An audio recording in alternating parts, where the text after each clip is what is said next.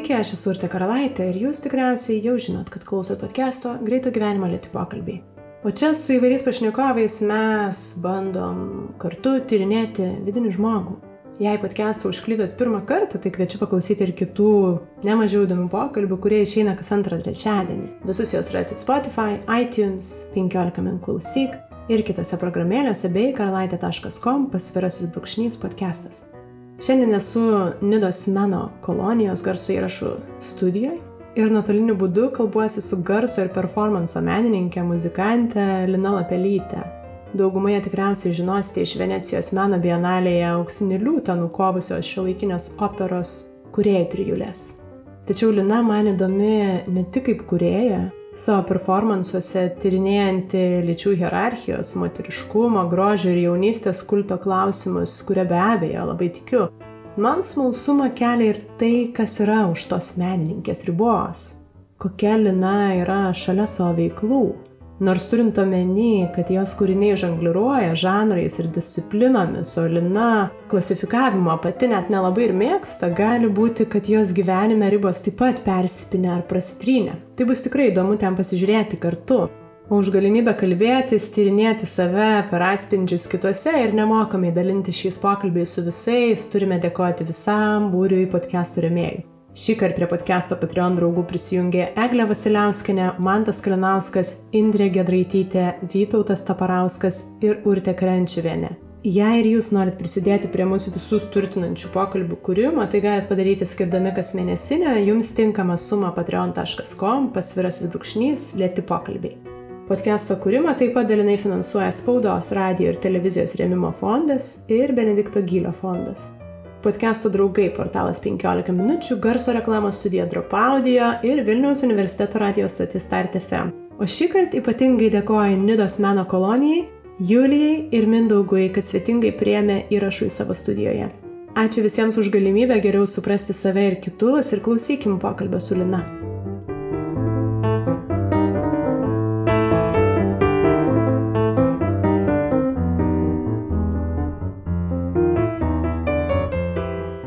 Pradžią bendrai, kai aš galvoju apie pašnekovų pasirinkimus, tai kažkaip ieškau ten aktualių taškų ir vat tu man grįžai į mintis, nes būtent prieš metus, ar ne, buvo Venecijos visas tas šurmulys nuostabusis. Mhm. Ir tas kontrastas, vat kaip tau minėjau, įdomus yra, kad e, staiga po metų, bet įdomu, ir jūsų pačių veiklos turbūt yra kažkiek užšaldytos ir, ir visas kultūros sektorius visam pasaulyje iš iš tiesų.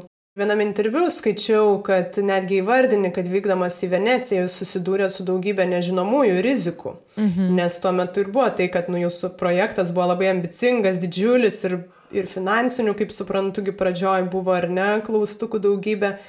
Ir dabar žiūrinti tai, kur kultūros sektorius ir daugybė mūsų yra irgi toje nežinomybėje ir su daugybė barjerų, kaip tu pati pasitinki nežinę ir va šitą laikotarpį. Iš tikrųjų, tai aš visada nežinioje gyvenu, mano visas gyvenimas yra nežinioje. Tai kai buvo paskelbta pandemija, tai iš tikrųjų aš atsikvėpiau tik tai, nes tai reiškia, kad bus galima kurį laiką pabūti ramiai vienoje vietoje ir nesiversti per galvą. Tai čia toksai labai asmeninis, kūniškas pajūtimas tos situacijos. Be abejo, aš suprantu Ir manau, kad dar sunku kažkokias daryti išvadas, ką tai reikš šitą pandemiją kultūros sektoriui, tarkime, ar ne, nes jeigu žlugs, tarkime, verslai ir, ir, ir apskritai ekonomikos, tai turbūt, kad menas bus viena iš tų sričių, kurios atsidurs kažkokių prioritetų visiškai pabaigoj. Bet dabar kol kas lengva kalbėti, nes nėra kažkokių labai drastiškų tarkime, aš pati nejaučiu radikalių pokyčių. Nors tiesą sakant, pati aš, e, kai tik taip buvo paskelbtas karantinas, sakiau, tai viskas, viskas baigėsi, važiuojam į kaimą, auginam daržovės, viskas pasikeitė. Ir dabar reikia su šitų pokyčių gyventi. Čia juokiamės e, vakar, kad iš tikrųjų niekas negalėjo žinoti, kad ateis tas liūtas, tarkime, mūsų situacijai. Nu, tikrai tai buvo nulis šansų, ar ne? ir lygiai taip pat šiais metais mes vėl susidurėm su situacija, apie kurią irgi niekas turbūt net negalėjo pagalvoti dar visai neseniai, dar kokį sausio mėnesį, kai, kai pandemija prasidėjo, kai pradėjo sklisti šitas virusas Kinijoje, atrodė, kad visa tai taip yra tolima ir, ir neįmanoma. Čia Europoje ar ne, Amerikoje, bet taiga per kelias savaitės viskas apvirto aukštinkojom. Tai jo, tai nežinomybė manęs nestebina kažkaip. Čia įdomu, tu sakai, kad tavo pirmos galbūt mintis buvo išvažiuoti kaimo auginti daržovės, tarsi iškart prisitaikymo prie situacijos ieškai. Kaip tu bendrai tokiuose krizinėse situacijose veiki? Vienas gali pulti, žinai, nevilti ir galbūt paniką ir taip kažkaip užsišaldyti, o tavo tokia lengva mintis e, iš karto išeiti kažkokią rado, ar ne? Nežinau, ar lengva, ar tu čia seniai planavai galbūt išvažiuoti į kaimą. Ne, neplanavau niekada ir jeigu ne ši situacija, tai niekada ir nebūtų šovusi galva tokia mintis, ar ne? Bet jo, čia gal geras tavo pastebėjimas, kad iš tikrųjų tai aš apskritai net ir kūryboje, ir gyvenime neplaukiu prieš srovę, ar ne? Jeigu yra kažkokia situacija, tai aš ją apkabinu, prisijaukinu ir bandau kartu su ją bendradarbiauti. Čia įdomu tai, ką tu sakai, nes galvojant apie šių laikų įvairius sektorius, bet ir tokį ir konkurencingumą, ir tą poreikį kovoti už savo būvį. Iš tiesų, tu tarsi sakai priešingai, kad tu rinktumės tarsi plaukti pasroviu ir kaip ir neforsuoti situacijos, leisti kažkokiems sprendimams ateiti. Bet tuo pačiu žinom, kad meno ir kultūros rytise tokio atkaklumo ir nuolatinio beldimosi labai reikia, kaip, kaip tu čia laviruoji sakydama tai, kad plaukiu pasroviui, gal aš e, turiu kažkokius labai konkrečius atvejus savo veikloje arba savo gyvenime, ar ne. Tarkim, 2014 metais aš rašiausi tokiam pasirodymui Serpentino galerijoje, paviljone.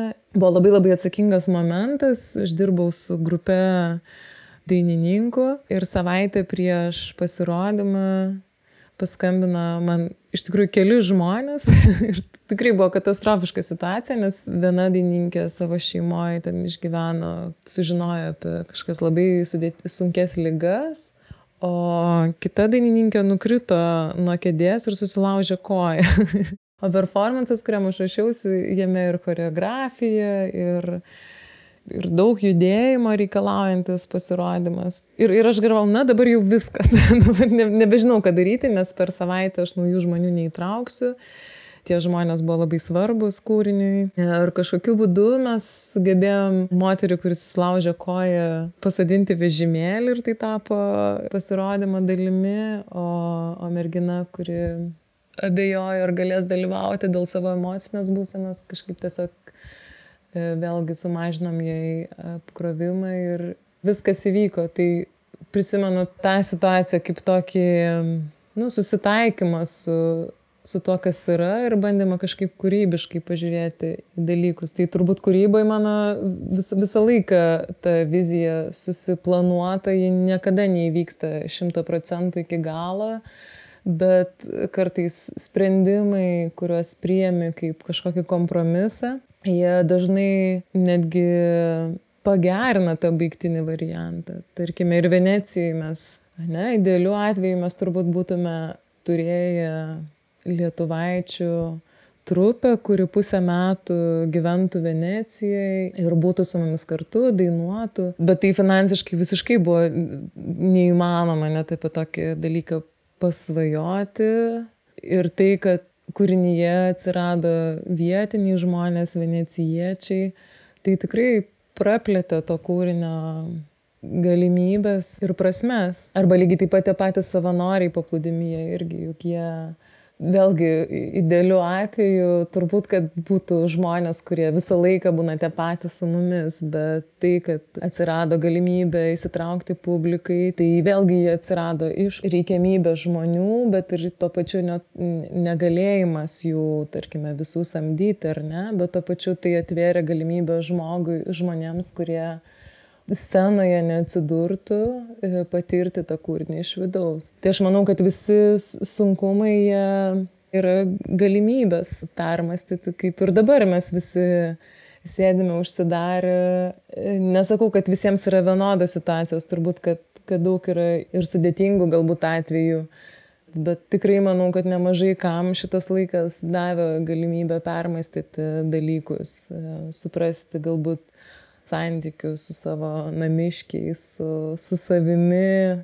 O ką tau šis laikas, ką pastebėjai, ką, ką davė jau? Kol kas dar nedavė e, nieko apart e, galimybę nebėgti ir pasėti sėklų kažkokių į dirvą. Tikrąją to žodžio prasme, ne, ne jokia metaforiška ir žiūrėti, kaip e, auga salotas, po to žiūrėti, kaip dilgelės pradeda imti viršų kažkurio metu. Čia įdomu, nes mano pirma reakcija į, į, į krizę irgi buvo lygiai tokia pati, aš bėgau sėti daržų. tai čia toksai, žinai, gal kai kažkas užsidaro, norisi kažką auginti, kažką gimdyti.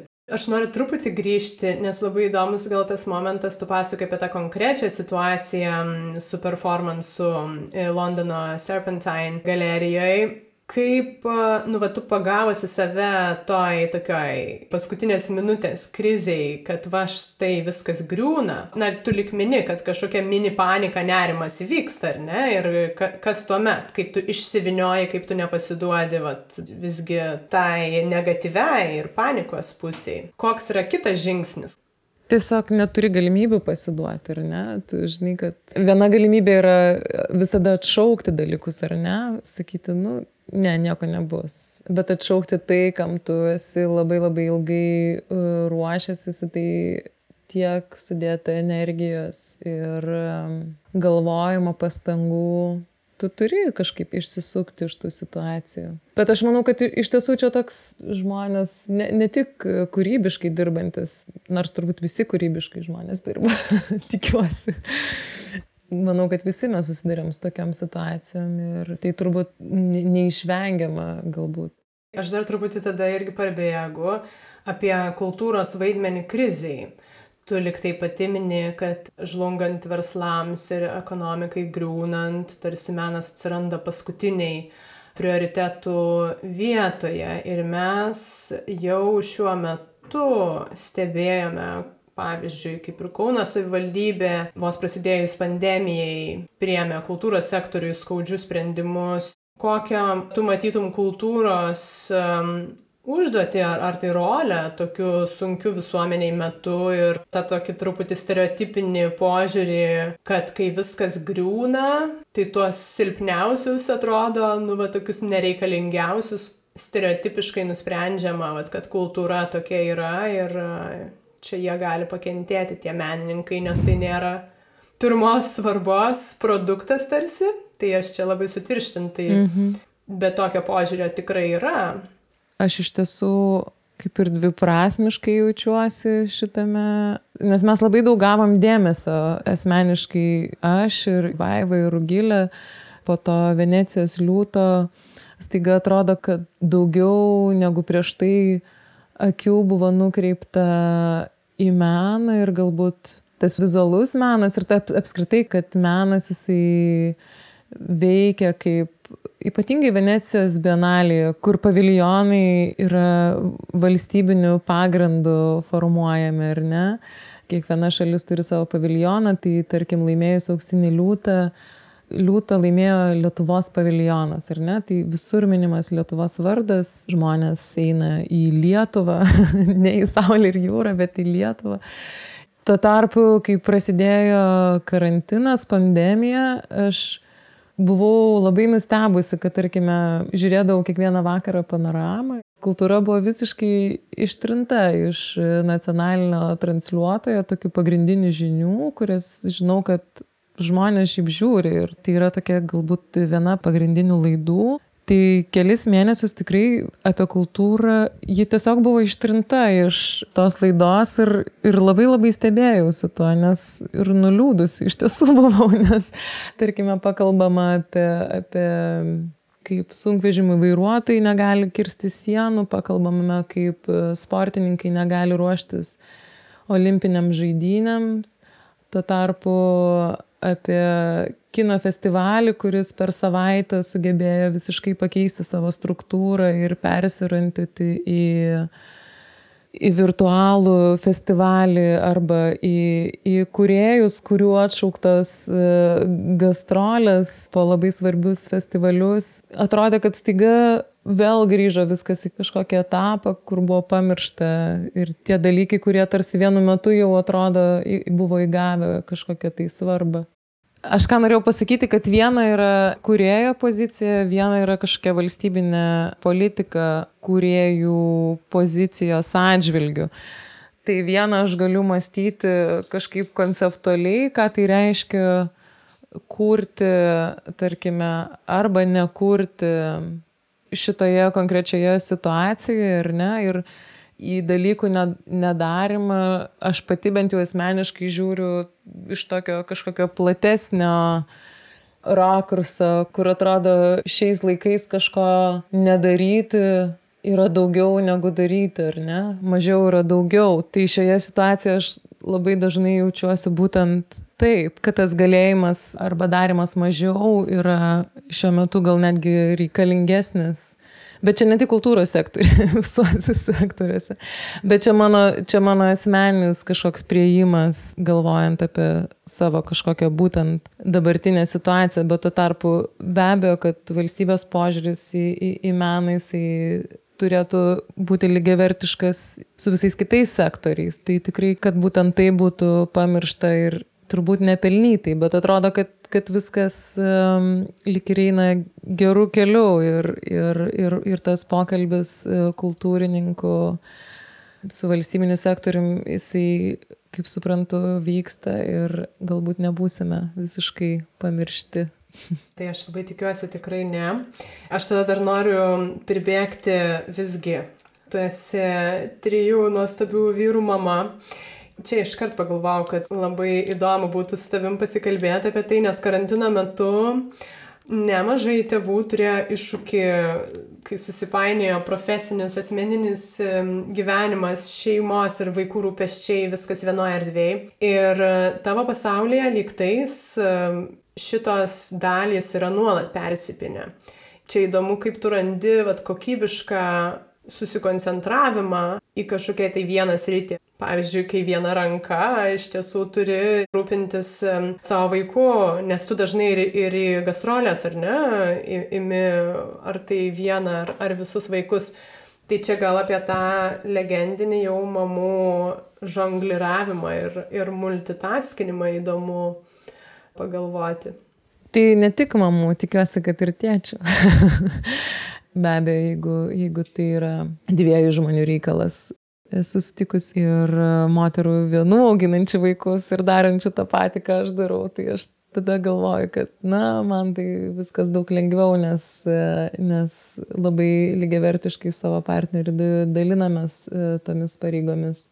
Turbūt apie vaikus aš lygiai taip pat galvoju, kaip ir apie visas kitas situacijas savo gyvenime. Tai jie atsirado lygiai taip pat, baiginėjau tuo metu bakalaurą, kai pradėjau lauktis Jeronimo, savo antrąjį bakalaurą. Ir Londone supratau, kad ypatingai tokiam meno pasaulyje, ratelėje, kad pamažu tapau truputėlį ištrininėjama iš tam tikrų veiklų, ar, nes dėl to, kad mano rolės taiga pasikeitė, aš tapau mama ir, ir tarsi kūryba turėtų nueiti į antrą planą, bent jau toks buvo iš, iš aplinkos požiūris kuris mane labai glumino ir supratau, kad, na, iš tiesų nuo manęs tai priklauso, ar aš, ar aš kažkaip pasiduosiu šitam uh, aplinkos spaudimui, ar vis dėlto kažką įrodysiu savo ir jiems visiems. Tai pasirinkau tą, nežinau, ar lengvesnį, ar sunkesnį kelią. Tai taip, nusprendžiau, kad, kad motinystė gali būti paralelus vyksmas kūrybiniai veiklai ir iki šiol taip galvoju.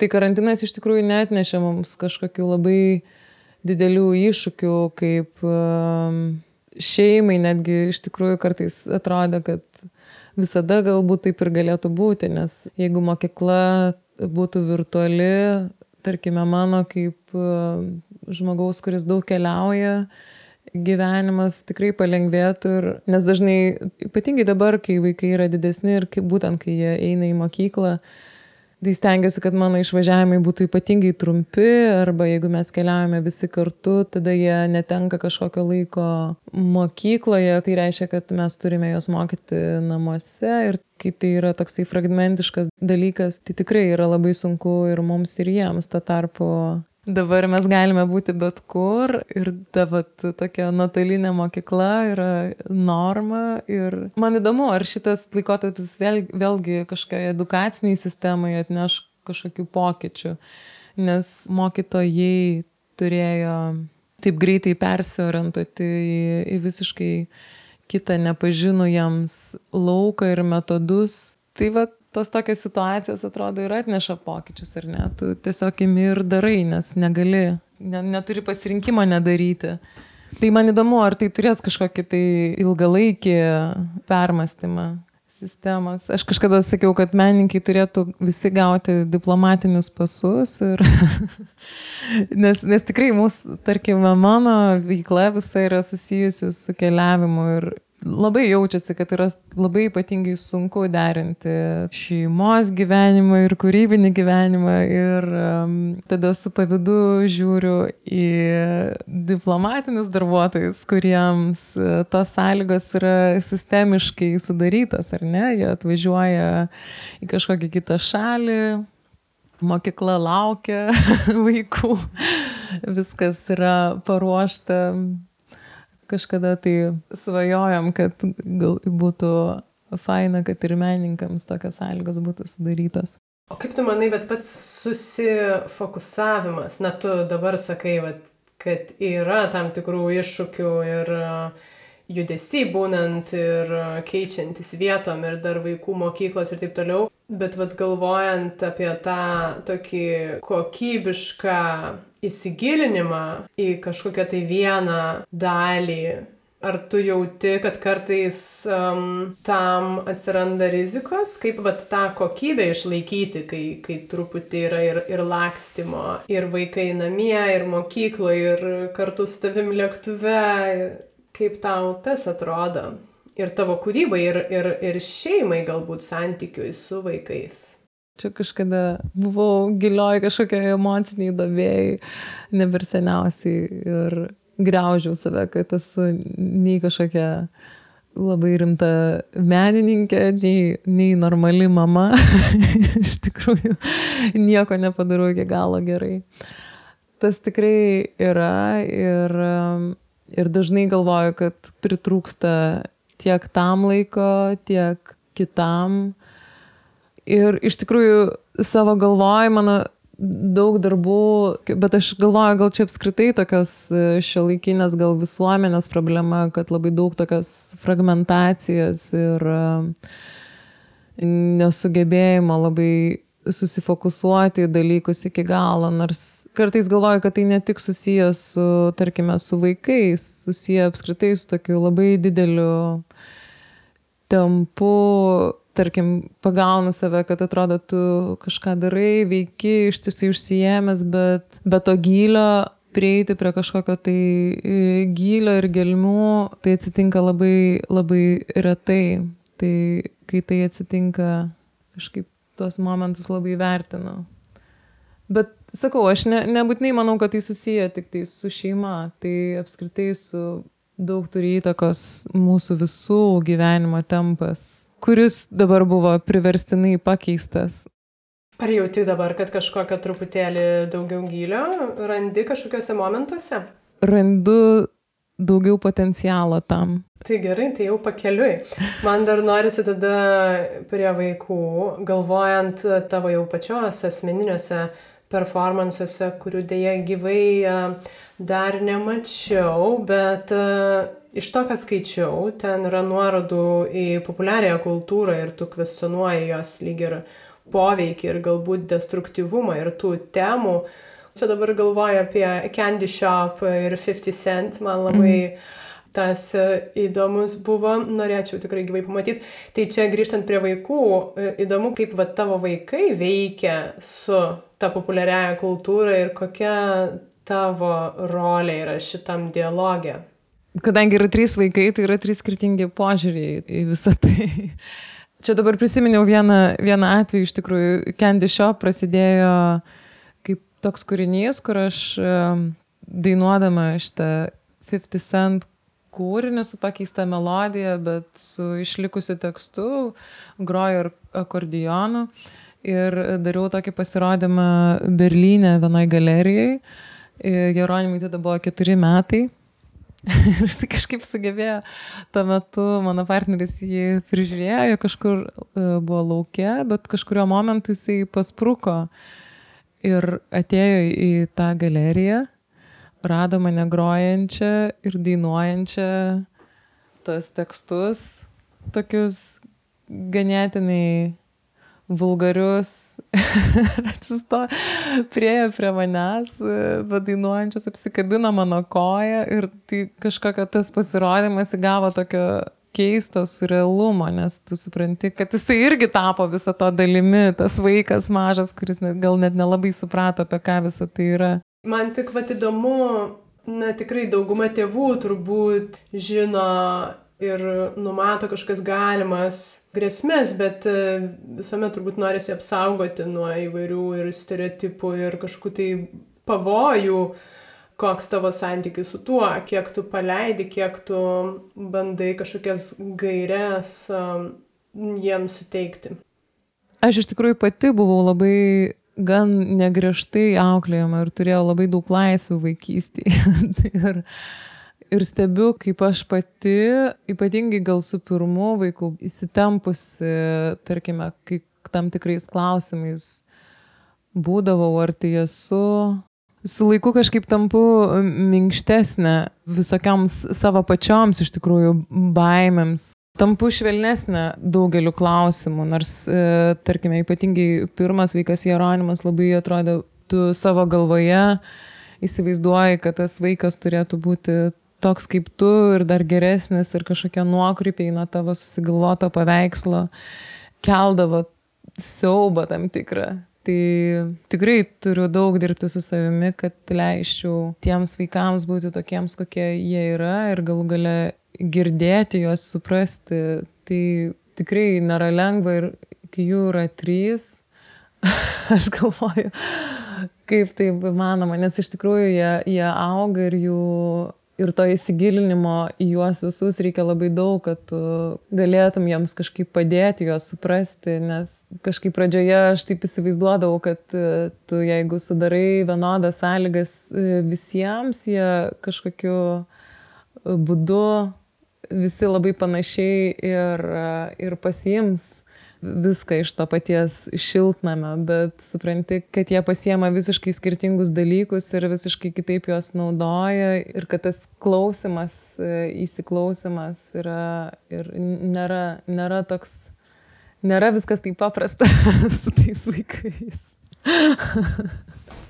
Ne, nemanau, kad kažkam kada nors buvo. Čia įdomu tada jau visai tai praktiškai, konkrečiai pažiūrėti, jeigu tavo vienas iš vat, vaikų uh, paaugęs ar net jau ir dabar Jeronimas gal, nu, bet pradės rašyti tokius panašius į 50 cent tekstus, kuriuos tu lyg ir kritiškai žiūri, kaip tu norėtum reaguoti, elgtis. Manau, kad uh, turbūt pakalbėčiau apie, apie, apie tai, kam visą tai yra skirta ir kaip jis mano uh, kokią galbūt e, poveikį visuomeniai tai turi ir kokią žinutę tai transliuoja, ar ne, ir ką tai reiškia. Ir, ir jeigu ta publika yra kažkokie dvylikamečiai paaugliai ir, ir jeigu tai lavina jų kažkokį supratimą apie dalykus, apie santykius žmonių, apie 50 cent atveju, tai kalbam konkrečiai turbūt apie, apie moteris ar ne.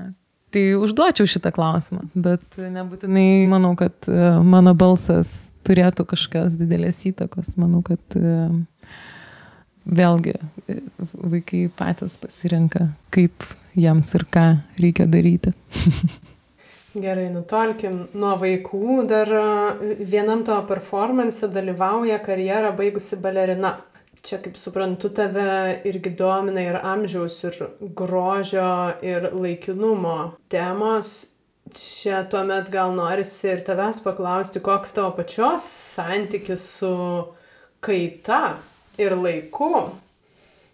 Aš turbūt kažkurio metu, ypač tuomet, kai, kai būtent kūriau tą darbą, piruetą, stebėjausi, kaip nuvertinami mūsų visuomenė yra vyresni žmonės, kaip tarkime, mūsų supantis būry žmonių yra tarp 30-40 e, metų, kaip mes susisloksnevę esame pagal amžių ir e, tuo metu daug apie tai galvojau.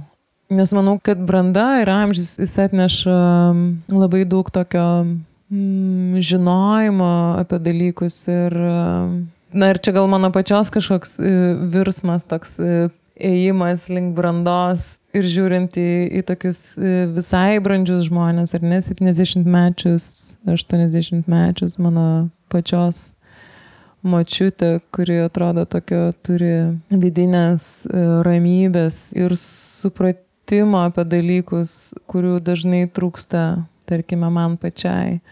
Tai taip, aš galvoju apie, apie amžių ir apie brandą, kaip apie vertybę ir, ir, ir dažnai kvestionuoju, kodėl mes to dialogo turime mažiau negu galėtume turėti su, su įvairių kartų žmonėmis. O tave pačią ir kaip moterį galbūt vis tiek, jeigu tu ir sakai, kad ir galvoji ir vat, su tam tikra tikrai pagarba žiūri į vyresnius, nebūtinai visi vyresni turbūt yra brandesni e, žmonės, ar tavęs pačios negazdina tas, na, ir, ir senėjimas iš tiesų, amžiaus kaita. Negazdina mane amžiaus kaita ir aš iš tikrųjų laukiu kažkokios e, brandos netgi bet tai žiūriu kaip į kažkokią kelionę ir, ir norėčiau, kad e, prieėjusi tam tikrą amžių galėčiau būti tokia kaip uh, Jonas Mekas ar Meredith Monk ar Laurie Anderson, žmonės, kurie iš tikrųjų yra be amžiai, tas amžius jiems kaip ir nieko netema tavo ir performansuose, ir iš to, ką girdžiu, moteriškumo ir, ir lyčių hierarchijos temos taip lyg ir pasikartoja. Kaip tu pati save kaip moterį įprasmini tam tikrą prasme?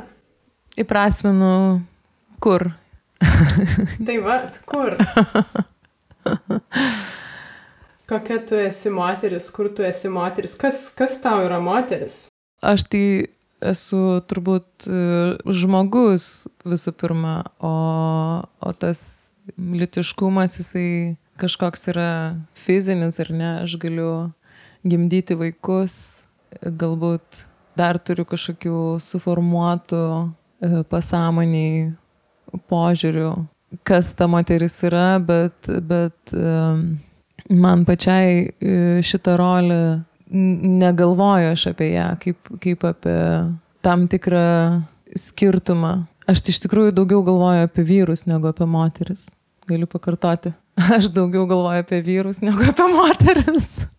Čia įdomu, kad galvodama daugiau apie vyrus, turbūt e, tam tikrą prasme taip save ir, ir įprasmini kaip moterį.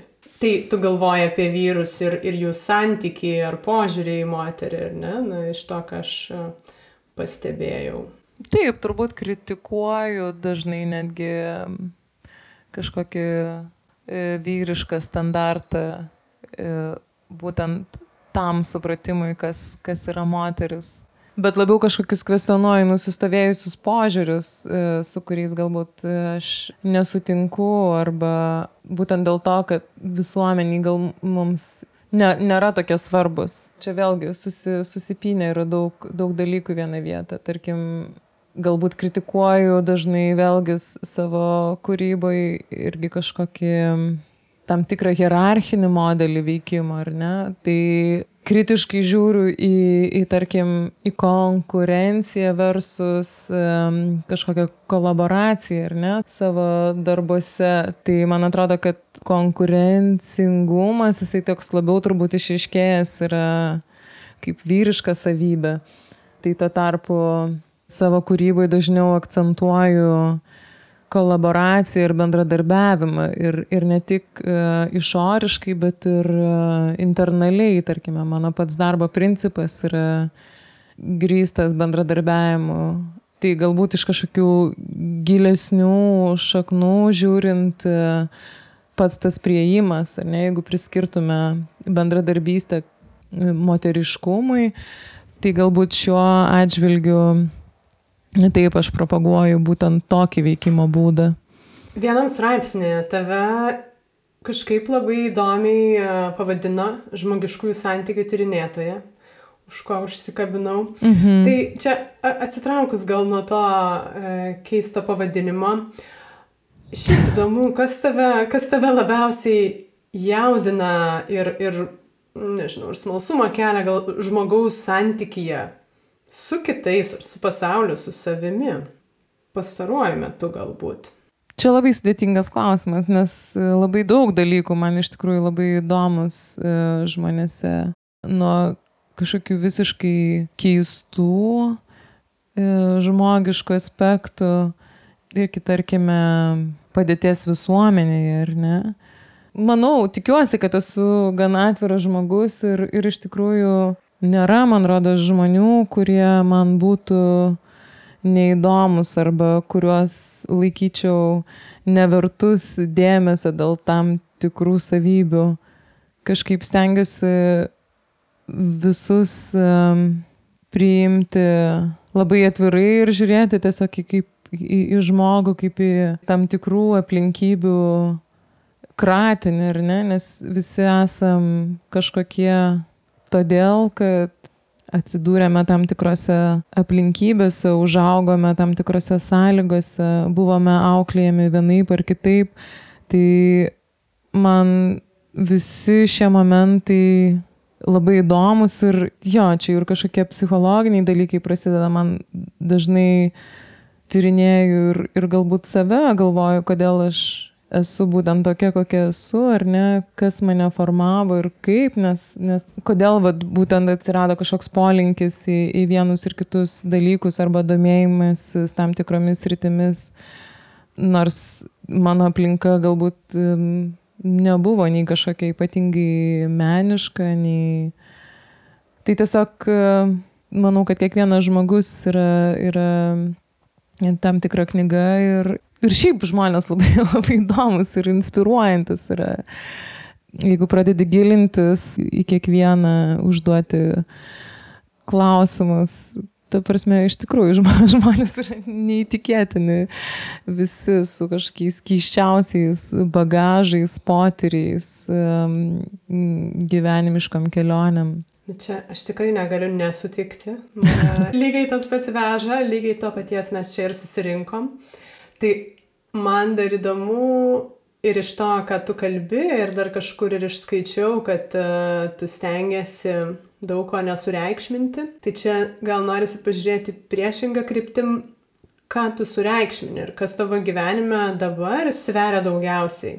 Dabar mano gyvenime, manau, kad kažkoks sveikas protas ir, ir balansas, e, kas man yra svarbu nes daug iš tikrųjų paskutiniu metu tokio blaškimasi jaučiu emocinio ir, ir stengiuosi mm, surinkti save į vieną vietą. Ir manau, kad tai ir yra kažkaip labai svarbu nesimėtyti, nesiblaškyti ir nepervertinti savo kūrybinės veiklos, nes ji yra vėlgi santykė su, su kasdienybė ta veikla. Tai norisi, kad viskas kažkokiam būtų balansė ir vienyje. O surinkti save, kas tau padeda, kai jau jauti, kad truputį išsibarstai? Seniau geriausiai surinkdavau save lėktuve, skrydyje kokiam nors. Bet paskutiniu metu, tai prieš kelias savaitės, tai šokau į jūrą šaltą, kad susirinkčiau mhm. save. Tai priklauso nuo aplinkybių, kas, kas padeda susirinkti. Bet turbūt gal, gal būsenos pakeitimas um, kažkokios iš vienos į kitą ir pabuvimas su savimi, nes negaunu per daug šito laiko. Tai tiesiog kūnas pradeda, kūnas ir protas pradeda reikalauti. Džiaugiuosi, kad gan greitai pavyksta persikrauti. Jėga. Lina, tai ačiū tau labai už tavo plačias ir e, lengvas mintis. Ir e, nors tie pasimetimai, man atrodo, visiems yra gal ir reikalingi, aš galvoju, tam, kad rastum tašką, kada reikia vat, ieškoti atgal kelio į save. Manau, kad tau puikiai sekasi rasti įrankius sus, susigražinti. Ir e, linkiu tų svarbių momentų su savimi pabuvimo. Ačiū, Urte. Kuo daugiau.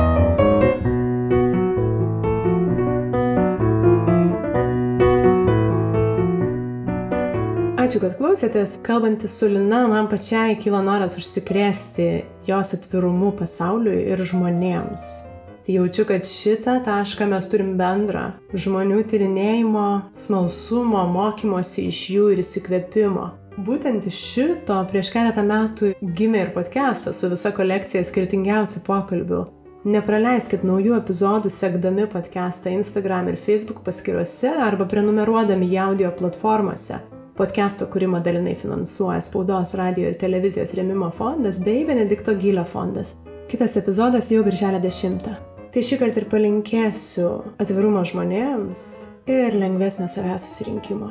Su jumis podcastas Greito gyvenimo lėti pokalbiai ir aš, Urte Karalaitė. Iki kitų kartų.